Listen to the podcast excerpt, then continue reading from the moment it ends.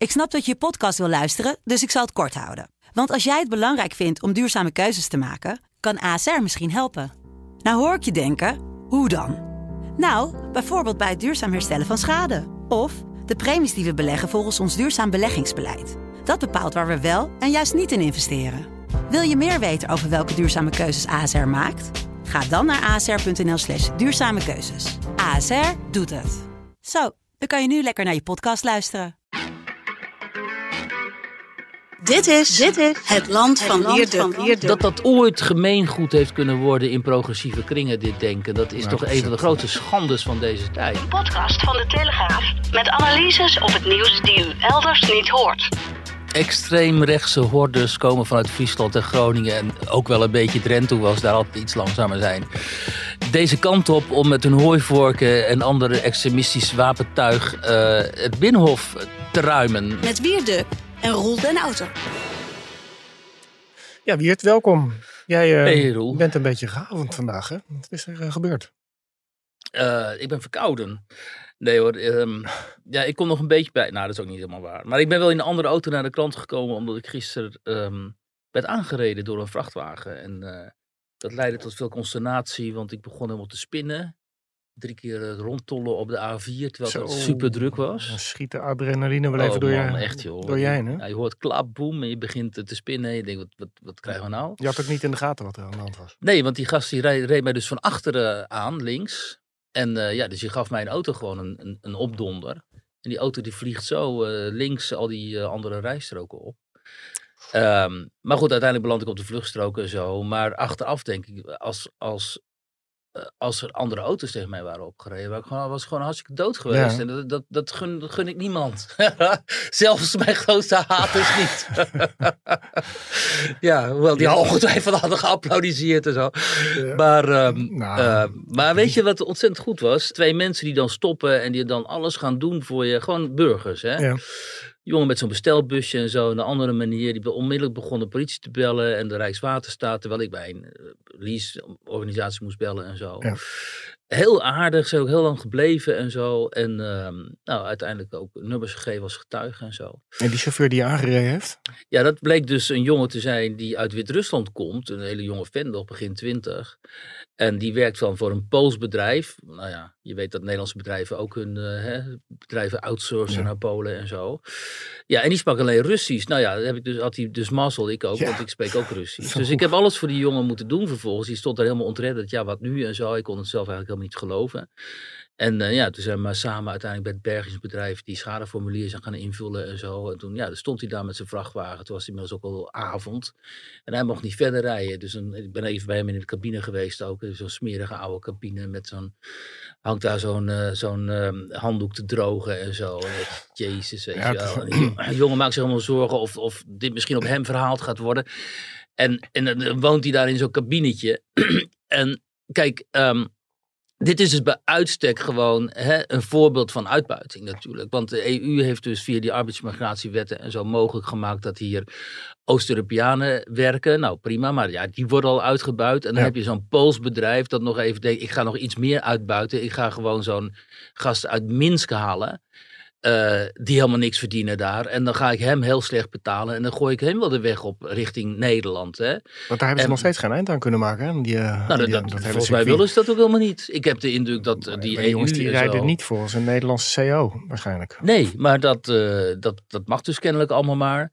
En kijk, mensen, de, de, politici als Lydia Marijnissen en zo van de SP, die ageren daartegen. Maar ja, Ja. de, EU Ja, terecht. wil open grenzen.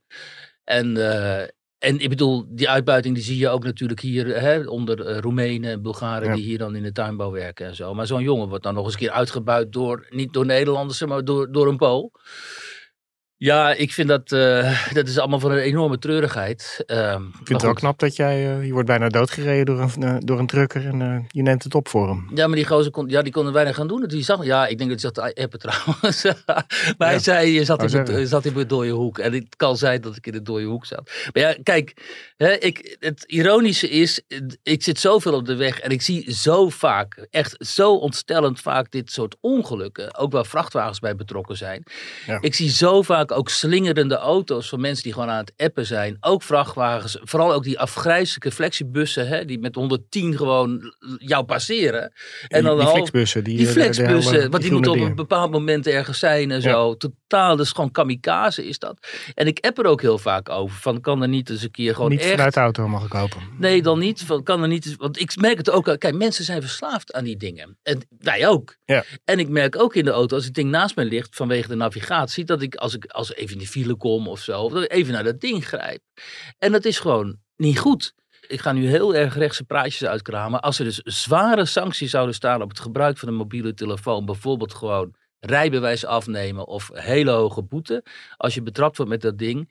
Ik denk dat heel veel mensen het dan wel uit hun hoofd halen. Ik ook, want daar ben ik ook gevoelig voor. Ja. En ik denk dat er inderdaad in dit geval vanuit de staat socialiseren moet worden opgetreden. En dat de staat moet zeggen, als we jullie betrappen aan het appen of op je mobiele telefoon, dat is gewoon einde oefening. Ja, en ik kan- denk dat je er heel veel ongelukken Je kan ook een heleboel eh, inspreken via, via je telefoon, via de Apple CarPlay of via de Google. Ja, dat kan ook. Dus dan kan, en dan Ja. leest hij het voor. Dan Ja. hoef je zelf niet op die telefoon te zitten. Maar dat leidt toch ook wel heel erg af. Maar jij ziet het toch ook, joh, als je hier naartoe rijdt, dan zie je toch ook al die mensen. Al die mensen hangen op hun telefoon. Ja. En eh, ja, dus. Maar je bent eh, de adrenalineschok eh, snel te boven gekomen, toch? Ja, het gekke, achteraf is gekke eigenlijk, eigenlijk helemaal niet zozeer schrok en zo. En, eh, maar goed, ik moest wel vanwege het standaardprotocol nog even laten zien, kijken in het ziekenhuis of, of ik een whiplash had en zo. Dan zit je s'avonds in, in, dus, s'avonds in het ziekenhuis van, nou, ja, het is heel veel gedoe gewoon. En auto totaal los zo, weet je wel, dat soort shit. Die zegt auto los. Oké, dus dat ja, is daar gaan ze wel van uit.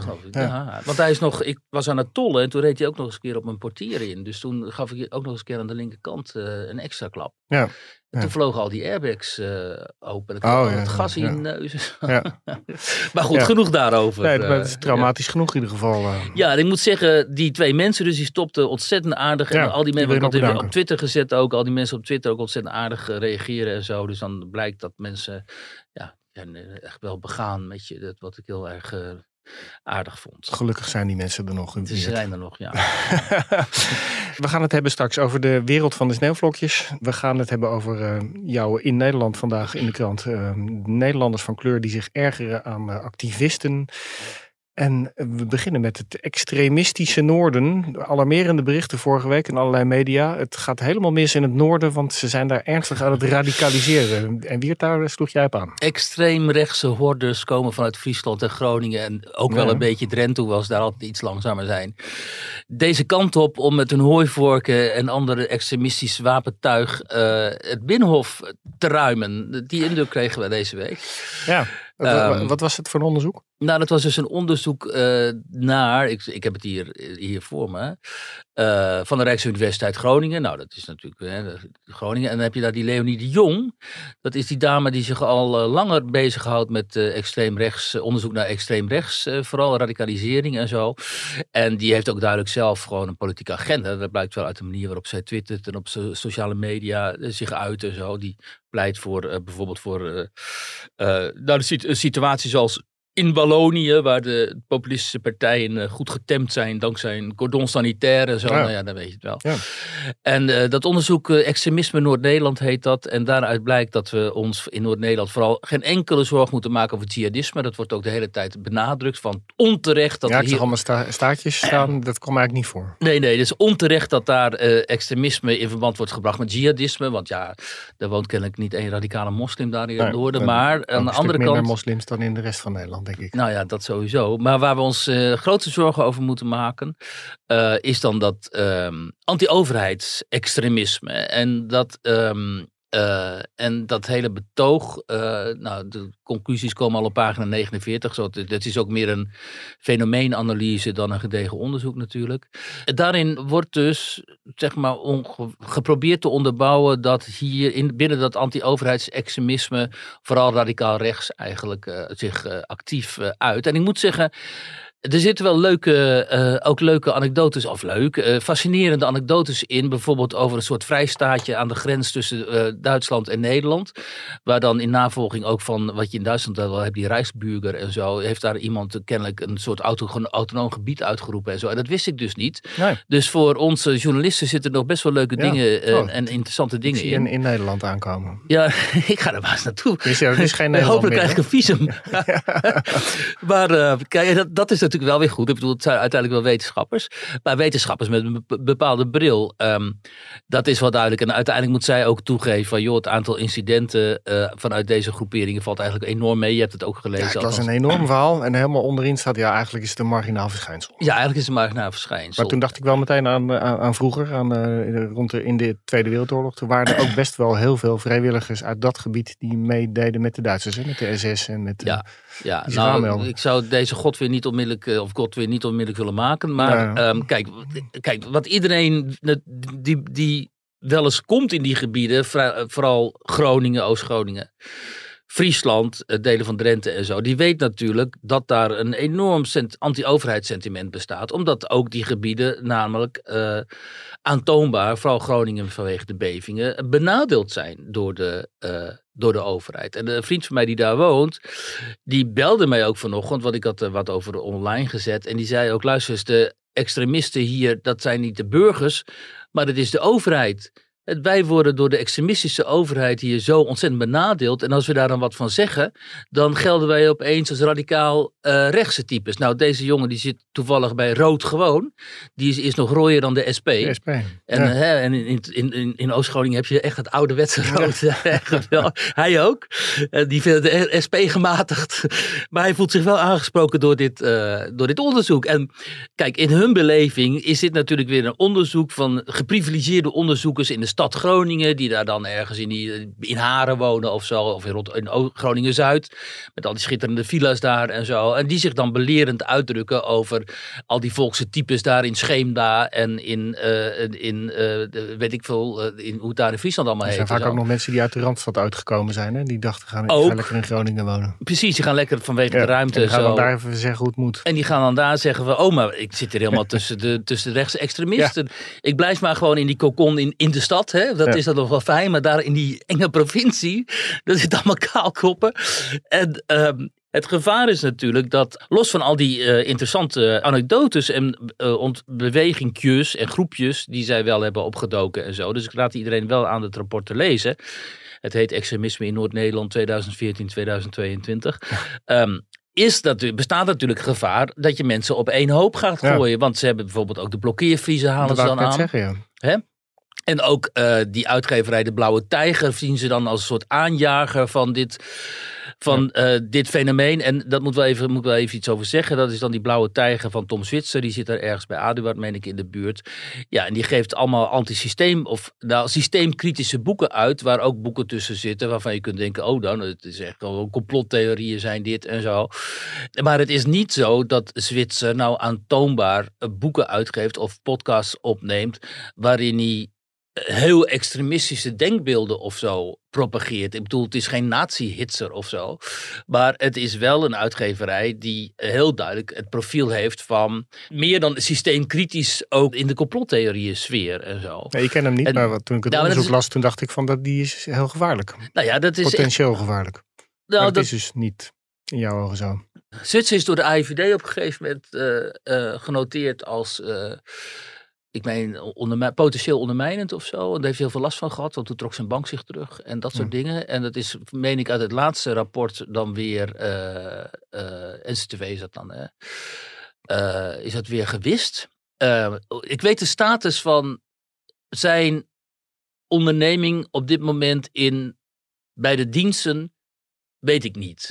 Maar ik weet wel dat hij genoteerd is ooit door de diensten en dat hij daar heel veel last van heeft gehad. En ik vind het fascinerend, moet ik zeggen, los van wat je daar allemaal over kunt zeggen en zo, dat dit soort uh, fenomenen bestaan. Maar je hebt natuurlijk, behalve de Blauwe Tijger, heb je ook uh, media als Café Weltschmerz en Blackbox en noem maar op. Dat zijn allemaal alternatieve media die zich, die zich hebben eigenlijk ontwikkeld, ook wel rond dit fenomeen, wat zij dan zien als extremistisch en zo.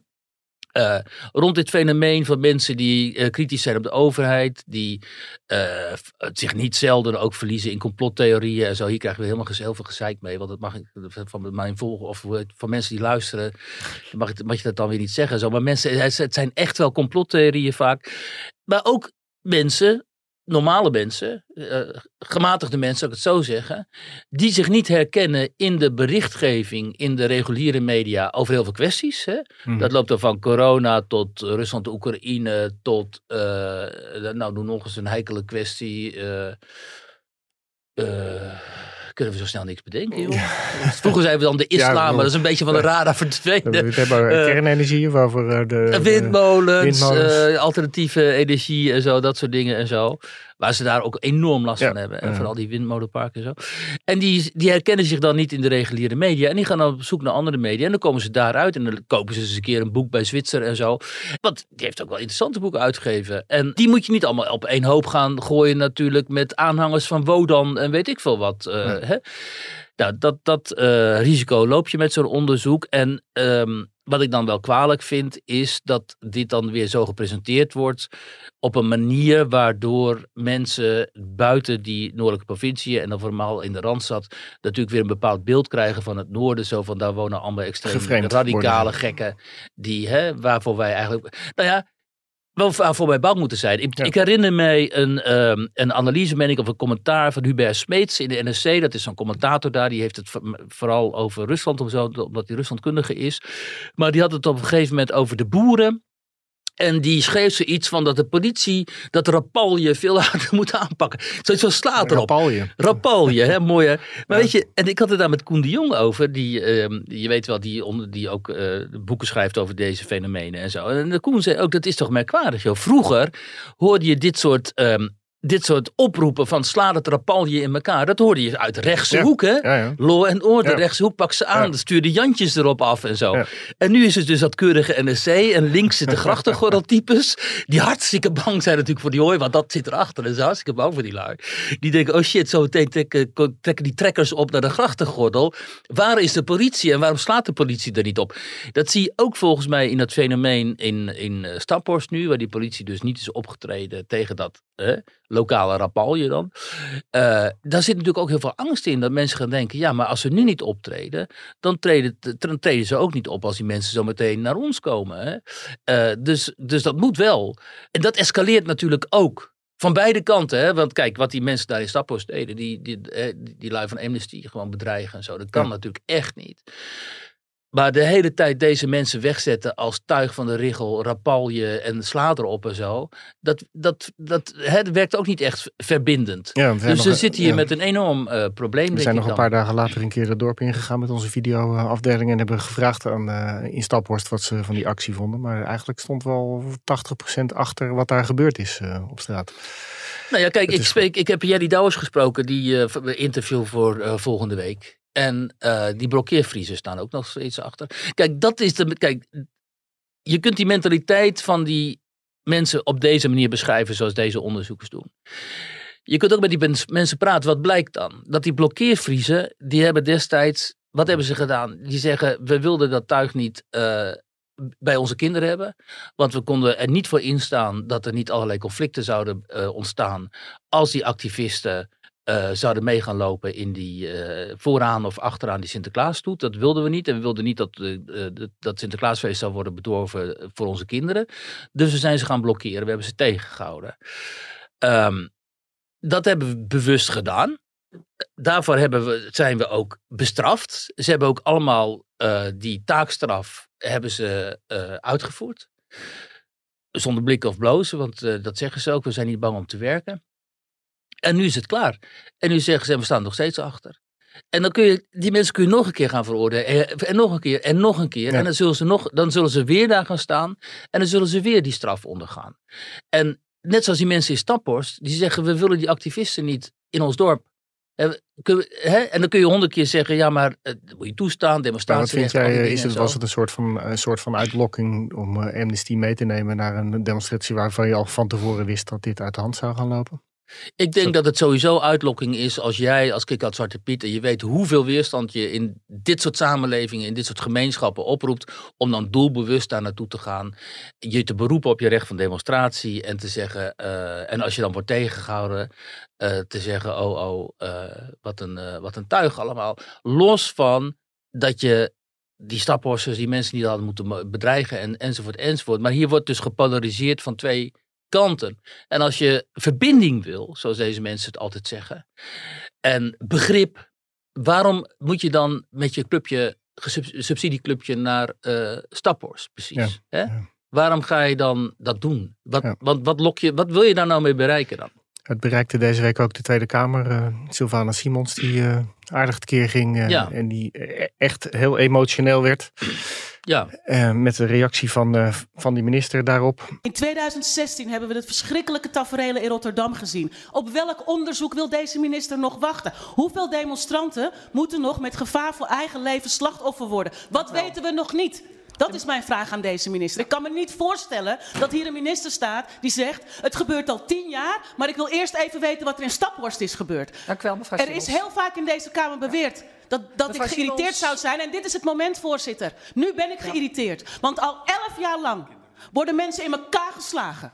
Door de politie of door mensen die door de politie alle kans daartoe krijgen. Om te zeggen dat al tientallen jaren hier de politie doelbewust achter Nederlanders aangaat om ze neer te meppen, vind ik een gospe, vind ik een schande. En ik sta voor mijn politiemensen. Ik sta er morgen weer, ik stond er gisteren ook en dat zal ik blijven gaan. Dat laat ik niemand zeggen. Dat uh, was een aardig, uh, dat was een aardig, uh, ja, was dat een show van uh, Sylvana? Want zij was echt op. Ja, ja, dit is haar businessmodel ja. natuurlijk. En dit moet zij doen, want daarvoor staat ze in de Kamer en ik vind ook dat ze dat heel goed doet. En bovendien heeft zij uh, ook niet helemaal ongelijk. Omdat uh, natuurlijk af en toe wel blijkt dat die politie ook een partij trekt. Um, daar heeft Bert Blazen, die oud-burgemeester die ik vorige week sprak, die dat boek had geschreven over uh, de opstand zeg maar, van, in Nederland, die wees daar ook op, want die heeft ook wel contacten in die kringen van politie en strijdkrachten en zo. En die zei, kan een moment komen waarop politie zegt, ja, we treden niet meer op. Want wij sympathiseren met deze mensen. En dan kun je honderd keer opdracht geven om. Uh, om, uh, hè, om maar wie zijn dan deze mensen? Nou, ja, bijvoorbeeld daar in Staphorst. kan ja. best zijn dat politiemensen dachten, ja, weet je, laat maar zitten. Dat, uh... ja. En je zag ook wel toen, destijds bij de blokkeervriezen, was het natuurlijk ook duidelijk wel van de kant van de politie sympathie, sympathie voor de Vriezen. en um, het is wel een rechtsstaat. um, dus dat kan natuurlijk niet. Dus als Sylvana Simons het bewijs heeft dat de politie daar um, nalatig is geweest, dan moet zij dat zeker vanuit haar uh, uh, positie en voor de mensen die zij vertegenwoordigt, moet ze daar echt fel in gaan. Wat ze dus deed, alleen ze generaliseerde natuurlijk. Ja. Hè, ze suggereerde dat alle politiemensen racistisch zijn en zo. Ja, erop inslaan. Ja, dat kan natuurlijk helemaal niet. Ja, zij, kruipt, zij kruipt natuurlijk wel elke keer uh, in de slachtofferrollen. Ja, Tuurlijk, maar dat is, dat is dus ook hun, hun, dat is ook hun idee dat wij slachtoffer, wij zwarten zijn slachtoffer van deze racistische samenleving. En het is tijd dat deze witte samenleving dat erkent, dat die uh, herstelbetalingen gaat Precies, leveren ja. ook voor onze slavernijverleden, uh, waar wij allemaal nog via ons DNA zo vreselijk veel last van hebben. En dat wij worden gecompenseerd voor al het leed dat ons dagelijks wordt aangedaan. Ja, want jouw in maar, Nederland pagina vandaag in de krant, die gaat uh, Ja, die gaat er ook onderwerp. over. Kijk, maar om over Sylvana Simons nog even terug te komen. Er had ook een veel slechtere vertegenwoordiger, woordvoerder van deze groep in de Kamer kunnen staan dan zij. Kijk, als wij erkennen dat bijvoorbeeld Caroline van der Plas het ontzettend goed doet voor BBB, dan moeten we ook erkennen dat Sylvana Simons, ondanks haar reuma toestanden en zo, dus ze heeft het fysiek ook niet makkelijk, dat dit heel goed doet en af en toe uh, respect afdwingt, ook bij haar uh, felste politieke tegenstanders. En, uh, en jammer is dat zij zo enorm gepolariseerd is en zo, dat ook persoonlijk in de persoonlijke omgang dan las, ingewikkeld is. Maar je kunt objectief kijken en denken, ja, ze had ook een slechtere vertegenwoordiger kunnen. Hè? Ik bedoel, in, in dit milieu van uh, radicaal, woke, zwarte activisme en zo, lopen ook echt wel gekkies rond. En ja. dat kun je van haar moeilijk zeggen. Waar was Wiert? Jouw in Nederland pagina, ik zei het net al, die gaat uh, ook over dat onderwerp. Je hebt met een aantal mensen van kleur uh, gesproken die uh, weigeren in de slachtofferrol te kruipen. Ja. Dat was wel een opmerkelijk verhaal. Ja, want ehm, die, ja, ik, was in, ik was in gesprek met hun eigenlijk. Vanwege ook eh, die. Oh ja, vanwege dat het eh, landelijk platform, eh, slavernij. eh, ik weet niet precies hoe dat heet. Maar dat had dus geopperd dat alle nazaten van de slavernij. Dus al, alle nazaten van tot slaaf gemaakt. En dat heet, zo heet het tegenwoordig. Dat die 40.000 euro zouden moeten krijgen. Nou, daar sloeg een aantal van deze mensen op aan. Dat zag ik. En toen ben ik, met- ben ik met hen in gesprek geraakt. Ja, en die zeggen, en dat vind ik het mooie aan dit verhaal, ze zijn ontzettend genuanceerd. Ja. Aan de ene kant zeggen zij dus, ja, we begrijpen dat eh, de Nederlandse staat als vertegenwoordiger van, als opvolger van de Nederlandse staat van destijds, die de slavernij destijds in stand hield, eh, excuses aanbiedt. Hè? Eh, dat is ook een goed standpunt, vind ik ook een juist standpunt. Eh, want die, het is niet zo dat de Nederlandse staat alleen maar de staat van nu is, maar dat is dus een, een, een verlenging, een historische verlenging van de Nederlandse staat die destijds ook de slavernij faciliteerde. Dus als hij nu zegt, excuses, sorry, dan is het goed. Maar ze vinden herstelbetalingen vinden ze flauwekul. Omdat, ehm, ja, aan wie- zij- dat zegt ehm, eh, eh, eh, eh, een van die mensen ook, van ja, moet ik dan geld gaan krijgen voor iets waar ik ver- verder totaal geen last van Ja. heb gehad, maar waar mijn voorouders wel daadwerkelijk last van hebben gehad, want die zijn daadwerkelijk slaaf geweest. En dan moet ik dus over hun rug nu even gaan eh cashen. Nou, dat is eigenlijk het standpunt van al die vier mensen die ik aan het eh, woord laat. En zij vertegenwoordigen natuurlijk een veel grotere groep. En wat ik ook mooi vind, eh, is dat eh, vooral de twee zussen die zijn geadopteerd, die waren, kwamen uit eh, Haiti en die zijn op jonge leeftijd geadopteerd en naar Nederland gekomen. Dat die eigenlijk ontzettend veel waardering hebben voor Nederland en voor de manier waarop zij hier zijn opgevangen ooit. En voor de manier waarop zij zeggen, zoals zij zelf zeggen, in alle dorpen en stadjes waar Het zijn ze echt twee powervrouwen. Dat Ja, ook vind ik wel. Ja, zo las. zien ze ook Ja. uit. Ja. Ja. Ja. en weet je, de manier waarop zij eh, eh, altijd zijn verwelkomd in. En dan heb je het over putten Ja. en druten en zo. Ondanks ook, hè, dat vertelden ze ook wel. Ook gewoon discriminerende eh, anekdotes. Hè, dat ze dan eh, Zulu werd genoemd. Maar een van die dames vertelde bijvoorbeeld. Er zat een jongen bij haar achter in de klas. En die zat de hele tijd Zulu tegen haar te zeggen en zo. En op een gegeven moment geeft ze die gozer gewoon een dreun in zijn, in- Ja, in zijn gezicht. Tegen zijn stoot harsjes. Ja. En toen was ze bij. En toen begon die jongen dus te huilen bij de leraar. En die zei, zei die leraar. Nou, je hebt er ook wel zelf naar gemaakt. Ja, ja, ja. Zo, ja, zo kan je dat soort dingen vaak heel relativerend en snel Ja, wat die ene dame ook zei, Ja. weet je wel, die was bij de intocht van Sinterklaas met Zwarte Pieten. En die zei, met haar kinderen, hij zei ook half zwart en zo. Ja. En eh, die zei van, ja, je voelde gewoon het ongemak om me heen. En een van die mensen naast mij, die voelde zich dan ook genoodzaakt om te zeggen, nou, het is toch wat, hè, met die Zwarte Pieten. En dan ze- moet zij zeggen, ja, ik heb helemaal geen probleem mee. En dat is natuurlijk een veel fijnere en volwassenere manier om met dit soort problemen om te gaan. En wat, die, wat eh, de, eh, de Keisa ook zegt, een van die dame, dat, de dame uit Groningen, die zegt, luister eens, als we willen verbinden, dan, eh, dan is het niet dat je op deze manier, manier zoals nu moet gaan schreeuwen en polariseren. Dan moet je gewoon echt ook op, op elkaar toekomen. En de mensen van goede wil, natuurlijk zullen die een gemeenschappelijke opsjaziek, zoals de Russen zeggen, een gemeenschappelijke taal vinden. En dan, Ja. dan op die manier kun je al die schreeuwers aan de linkerkant en de rechterkant gewoon buitenspel zetten. En dat is natuurlijk voor de gezondheid van de samenleving. Ze had een paar echt goede one-liners in jouw beter. verhaal. Bijvoorbeeld gewoon, ja, je moet mensen gewoon beoordelen wie is gewoon een goed mens. Daar gaat het gewoon Ja, eigenlijk dat is om. allemaal zo simpel. En dat zijn van die hele simpele, het zijn van die tegelwijsheden. Ja, Maar ja, maar die staan als een huis die natuurlijk. staan Het als is, een huis, ja. Het is natuurlijk echt te bizar voor woorden dat, je, dat het genormaliseerd is dat je mensen afrekent op hun, eh, op hun huidskleur. Hè? En dat mensen niet, dat, dat daar het psychopathische eraan niet wordt onderkend. Hoe, hoe kun je in godsnaam zeggen, jij bent blank, dus je bent dus een enorme eikel. Ja. En jij bent zwart, dus je bent heel zielig en slachtoffer. En je bent ook moreel verheven boven blanke mensen. Dat Ja. is toch... Dat dat ooit gemeengoed heeft kunnen worden in progressieve kringen, dit denken. Dat is Nou, toch dat een is van de grootste schandes van deze tijd. Joh. Ja, dat is het nog steeds natuurlijk. Nou, dat is het dus eh, vanwege woke en die critical race theory en zo. Is Ja. het de afgelopen jaren juist heel erg eh, geworden. En dat is ook het verraad van links. Dat de linkse partijen zich, hè, D66, voor zover dat een linkse partij is. Maar ook Partij van de Arbeid zie ik dan. En eh, GroenLinks, SP veel minder.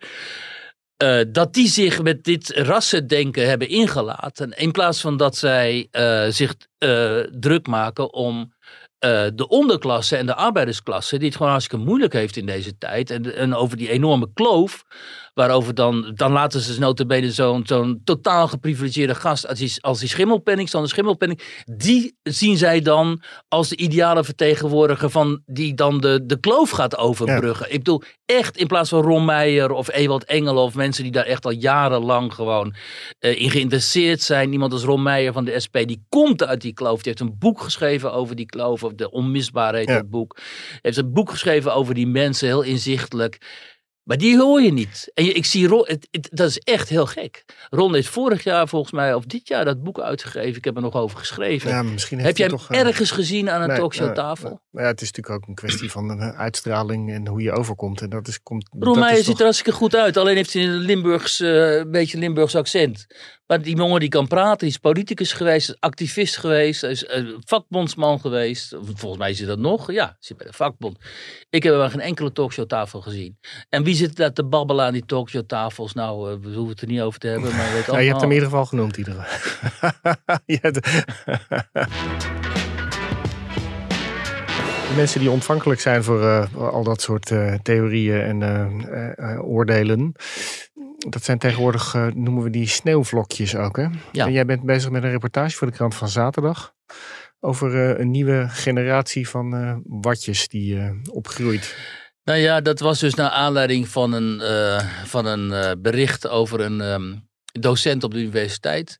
Die het waagde om in zijn college vragen te stellen aan eh, studenten. Met name over de stof. die zij geniaal. be- geacht worden te bestuderen. En die voelden zich zozeer aangetast in hun safe space. En die waren zo bang om nog naar college te komen. Omdat ze anders misschien wel een vraag zouden kunnen krijgen van de docent. Dat ze zeiden, ja dat moet niet mogen. En, Daar hebben we eh, hele discussies over gehad met allerlei eh, vrienden. En Ja. ja, wat. We- eh, ja, vroeger was dat natuurlijk zo. Je, kreeg- je zat in zo'n zaal en dan, eh, en dan dacht je, kut, ik heb het niet voorbereid. En, Ja. eh, en dan kreeg je, en dan was het, en meneer Den Houter, wat vindt u daarvan? ja, Dan denk je, shit. Ja. Maar word je en daar... dan ging je nat. Ja, maar ik had dan de neiging om het dan toch beter te gaan voorbereiden. Maar kennelijk is nu de reactie van, eh, Nou ja, we- ik, ik word bedreigd in mijn, Nou ja, hier zijn twee dingen gaande volgens ons. Want ik schrijf het samen met collega Emiel Kossen. Eh, namelijk eh, psychologisch en ook eh, ontwikkelingspsychologisch, zeg maar. Hier is dus iets misgegaan in de opvoeding. Kennelijk heb je die, hier dus een generatie waarvan een deel zo beschermend is opgevoed en zo weinig gewend is aan weerwoord en aan tegenspraak. Dat zodra ze dat krijgen, ze in paniek raken. En ook een soort entitlement voelen. Waardoor zij denken, ja, maar je hebt helemaal niet het recht om mij zo'n vraag te stellen. Je hebt helemaal niet het recht om mij in zo'n positie te brengen. En dan komt woke natuurlijk weer om de hoek kijken. Omdat eh, dat bij uitstek ideologie is dat aan mensen die zichzelf kwetsbaar achten. eh, vanuit al dan niet een slachtofferpositie of al dan niet vanuit een eh, positie van achterstand. die zichzelf kwetsbaar achten. Die, deze ideologie geeft aan deze mensen wapens om te zeggen: luister eens, ik ben kwetsbaar en ik heb eh, behoefte aan een veilige ruimte, een safe space. En jij moet die vraag van mij erkennen. Want de hiërarchie zijn we namelijk aan het omdraaien. Dat is typisch van woke. Eh zo wat jij kunt, ehm, dat gaat altijd over macht. Ehm, en woke stelt elke vorm van machtsverhouding eh, ter discussie. Dus daarom hebben ze, zeggen ze ook, hè, eh, de, de, de, heft de politie op bijvoorbeeld. Hè? Ja, de politie is bij police. natuurlijk een, een instituut met Dat is macht. natuurlijk gewoon anarchie. Nou ja, dat, dat is natuurlijk voor ons, wij zeggen dan dat is anarchie. Zij denken zo ontstaat de ideale wereld. Als zij denken als er geen machtsrelaties zijn, dan is iedereen aardig voor elkaar. En een docent eh, die ongetwijfeld ouder is dan twintig, hè, die zit bij uitstek ook in een machtspositie ten opzichte van een student. Nou, aangezien alle machtsposities worden on- eh, onder, eh, ondervraagd door deze, door Woke, ontzeggen zij ook die docent het recht om vanuit die positie vragen te stellen. Dus, en dat is dus ook het beangstigende en het totaal ondermijnende en wat jij zegt anarchistische aan, aan woke, dat is dat ze geen enkele vorm van hiërarchie eh, erkennen. Eh, alle- ze erkennen alleen persoonlijke emotie. Dus als jij zegt, luister eens, bijvoorbeeld, hè, en dat, dat hebben we gezien in het verleden. Als jij zegt, luister eens, eh, ik heb een tekst voor jou, die zit vol, vol spelfouten. Dat kan niet, want zo kom je niet verder in de samenleving. Dan gaan zij zeggen, wie geeft, wie, wie, welke autoriteit überhaupt bepaalt wat een spelfout Ja, ja. is? Hè? En zolang je nog begrijpt wat hier staat, is dat ook prima. Weet je? Ehm, als jij gaat zeggen, luister, je studeert bij mij Latijn en dit is de grammatica, dan gaan ze de, de autoriteit van de grammatica ter discussie stellen. Dus, en dat komt vanuit, eh, dat zal ik er even bij zeggen, dat komt dus vanuit dat, dat Franse eh, denken, hè, Foucault en anderen, die op een gegeven moment eigenlijk alle grondslagen van de westerse samenleving op zichzelf heel interessant, ter discussie stelde en daar van alles, zeg maar zoals de hele manier waarop wij onze samenleving hebben geordend, daar een machtsprobleem eh, van maakte. Zeker Foucault, die dit ook onderzoek in gevangenissen en zo. En dat heeft Woke dus eh, overgenomen van die Fransen en daar een eh, heel naar rassensausje overheen gegooid. dus nu ben je eigenlijk, als jij zwart bent en vrouw en transgender vrouw en ook nog eens een handicap hebt en zo en je komt, kunt ook niet zo goed meekomen op de universiteit, ja, dan ben je bij uitstek geschikt om dit soort dingen te zeggen. Om andere mensen die, waarvan jij, waar, die een bepaalde vorm van autoriteit over jou uitoefenen, om tegen hen te zeggen dat mag niet. Jij bent nu een dader en jij, jij, jij bent eh, zeg maar wreed tegen mij als eh, slachtoffer. Maar oude witte man, waar gaat dit uiteindelijk toe leiden? Nou, de, de, de, het schip gaat, de kant gaan, de wal gaat natuurlijk het schip keren. Ja. En dat zie ik nu al, want dat zie je nu al gebeuren. Hè. Dat, dat is ook zo hilarisch. Dat eh, eh, mensen als Tim Hofman en zo, die worden op een, gege- op een gegeven moment ook met dit soort dingen geconfronteerd. Ja. Hè. En dan begrijpen ze niet goed waar het vandaan komt, maar dat komt uit de eigen kring. En dan denken ze, eh, wacht even, ehm, nu word ik ook aangevallen. Zo, want de- uiteindelijk is Tim Hofman natuurlijk, hè, dat is een beetje de opperdeuger van de Nederlandse samenleving. Die is ook wit. Maar dat is het verhaal van de revolutie die altijd zijn eigen kinderen opeet. Ja, dit is zo radicaal gedachtegoed. Die gaat, dat gaat zijn eigen kinderen opeten. En dat zie je ook trouwens in het verhaal eh, wat ik schreef over de, die zwarte mensen. Eh, die Naomi, die vertelt ook. ehm, nee, allebei. Die twee zussen die vertellen allebei hoe zij vanuit de zwarte gemeenschap worden gediscrimineerd. Want ze zijn of te licht van kleur, of Ja. te dun, of ze Ja. hebben white privilege, of eh, hun kont is niet groot genoeg en zo. En die ene anekdote, zal ik de luisteraars niet onthouden, is natuurlijk hilarisch. Die, die, Naomi die was op Curaçao op vakantie op een resort met allemaal vrienden en familie en zo. En op een gegeven moment komt ze op haar hotelkamer, die zij dus gewoon betaalt. Eh, en daar is dan een eh, schoonmaakster die lichter van kleur is dan zij, want zij is vrij donker. En die schoonmaakster die lichter van kleur is, die begint haar te commanderen. Want vanuit haar opvatting heeft zij als lichter getinte autoriteit over iemand die donkerder is. Dus zij mag tegen degene die notabene betaalt voor die hotelkamer zeggen van zeg ruim eens even die vuilnisbak. Want dat zei is ruim eens even die prullenbak op. Ja, dus die Naomi die schiet helemaal in de lach. Die denkt ja wat, krijgen Ja, maar dat, nou? ja, dat kan twee kanten op gaan. Je kan in de lach schieten en in het relativeren. Of je kan eh, woedend worden en eh Ja, maar ja, in de rel te pakken. Het is vooral een goed voorbeeld van eh, hoe in, innerlijk racistisch ook dit Ja, soort samenlevingen zelf zijn natuurlijk. En dat het eh volstrekt belachelijk is dat die zwarte activisten zeggen dat zij een soort eh, gesloten blok vormen. En dat ook wij blanken allemaal per definitie, omdat wij blank zijn, eh, racis- racistisch zijn en achter in de rij eh, moeten aansluiten. Nou, we hebben de laatste tijd al een paar berichten gehad over bijeen waar het één grote ruzie en achterklap was. En, waar Met verwijten van racisme. Met verwijten van racisme. Dat je echt denkt van ja, dat is wel de laatste partij waar ze elkaar dit moeten gaan verwijten.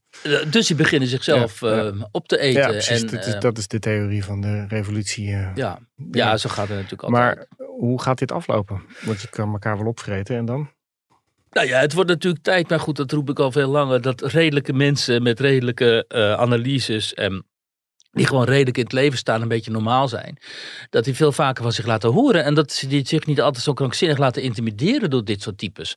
Waarom zou je, wat mij zo enorm ergert, is dat al die, al die politici uit die Tweede Kamer en noem maar op, al die bestuurders, weet je wel, als ze dan eh, worden geconfronteerd met zo'n op, eh, met zo'n nou ja, met zo'n oproep eh, over racisme en zo. En institutioneel racisme, weet ik veel wat. Dat ze altijd onmiddellijk op hun rug gaan liggen. En zichzelf ook dat, dat jargon gaan eigen maken en zo. Hoe snel is het, zijn wij van blank niet wit geworden? Dat wit is gewoon een politieke term. Hè? Wit is, dat is white. Dat is whiteness. Dat komt uit die critical race theory. Als je daar dan toegeeft, als je toegeeft dat wij in plaats van blank wit zijn geworden, dan, dan maak je van blanke mensen een politieke categorie. Dan maak je van blanke mensen witte mensen die eh, automatisch heel veel schuld hebben aan van alles en nog wat. Daarom zegt deze krant ook blijf blank zeggen Ja. in plaats van wit. Maar al die weet je, al die andere media, in de politiek, in het bestuur, het is allemaal wit, wit, wit. En al die witten zijn schuldig. En oh, oh, hoe kunnen we in godsnaam uh, tegemoetkomen aan de eisen vanuit die zwarte gemeenschap? En dat, dat, is, dat is gewoon onverstandig ook, omdat je. Um, wat deze, en wat deze mensen in mijn verhaal dus, die zwart-donkere mensen in mijn verhaal heel goed duidelijk maken, is ja, er is, het is terecht als excuses worden aangeboden. Want dat, die, die slavernij is natuurlijk een enorme historisch nationale schandvlek ook van Nederland. Maar dat betekent niet dat elke Nederlander nu zich daarover zou moeten schuldig voelen. Anders komt die samenleving niet verder. Dus wat ik wil zeggen is, deze verstandige mensen van links, rechts, zwart, wit, weet ik veel wat allemaal, die moeten veel vaker van zich laten horen. En daarom ben ik ontzettend blij met die mensen die dan met foto en naam en toenaam bij ons in de krant wilden. Ja, die zullen nu ook wel de, de, wind van voren gaan krijgen waarschijnlijk. Ja, maar daar zijn ze op voorbereid, hebben ze ook gezegd. En zij hebben ook tegen mij gezegd, we willen dit doen, want het is wel eens een keer genoeg geweest. En we willen laten zien dat er ook binnen onze gemeenschap, voor zover het überhaupt een gemeenschap is, heel veel redelijke mensen rondlopen die veel te weinig aan het woord komen. En dan gaan ze maar schelden en tieren en zo. Uh, dat nemen wij dan voor lief, want we willen dit geluid laten horen. Nou, dat vind ik dus ontzettend dapper. Want ja. ik weet als geen ander natuurlijk wat je overheen, over je heen ja, kunt krijgen. Als je eens een keer een van. afwijkend geluid laat horen. Ja. Maar voorlopig groeit er nog een uh, generatie sneeuwvlokjes op. Nou ja, dat is natuurlijk ook de vraag hoe groot. Uh, kijk, de meeste 80% van de, van de studenten, wat ik dan ook wel weer opmerkelijk vind, is helemaal niet politiek. En interesseert zich nauwelijks voor politiek. Nee. Dus die kun je ook moeilijk als sneeuwvlokjes typeren. Um, maar ja, ik zou juist willen waarschijnlijk dat die 80% wat politiek bewuster zou worden. En zich zou ook bewuster zou worden van dit soort ontwikkelingen. Ook binnen hun eigen instituties waar zij studeren. Ja. En wat meer zouden nadenken over de wenselijkheid ja, ervan. Vanuit de linkse hoek wordt er heel erg uh, op gepusht dat het stemrecht misschien omlaag zou moeten naar 16 jaar. En ik denk dat ze zich daar eens ernstig in kunnen gaan vergissen. Want zij hopen natuurlijk dat daardoor ja. enorm veel meer mensen op linkse partij gaan stemmen. Maar als je dat op sommige scholen ook ziet, daar... Uh, is allemaal PVV. Ja, dat wordt echt enorm. Ik denk dat ze zich kapot schrikken als ze dat. Uh, als ze ja, dat onder de jongeren zie je echt, weet je, de neiging of ze zijn. GroenLinks, ja. D66 en zo. Ja, of ze zijn al heel snel uh, PVV als ze gedoe hebben gehad met, uh, met geweld en zo. En dat soort incidenten. De, dus dat, um, maar je moet natuurlijk jongeren van 16 die helemaal niks weten, die, dat, die moet je helemaal niet stemrecht natuurlijk niet geven. Dat, de 18 is al heel jong. Ja. En uh, laat ze eens maar even gaan nadenken en dingen gaan lezen, luisteren en zo. En dan kunnen ze altijd nog besluiten op wie ze gaan stemmen. Ik uh, ben heel benieuwd naar je reportage zaterdag over de sneeuwvlokjes en over de gevoelige jongeren. Ik uh, dank jou wel, Wiert. Dank je, Roel.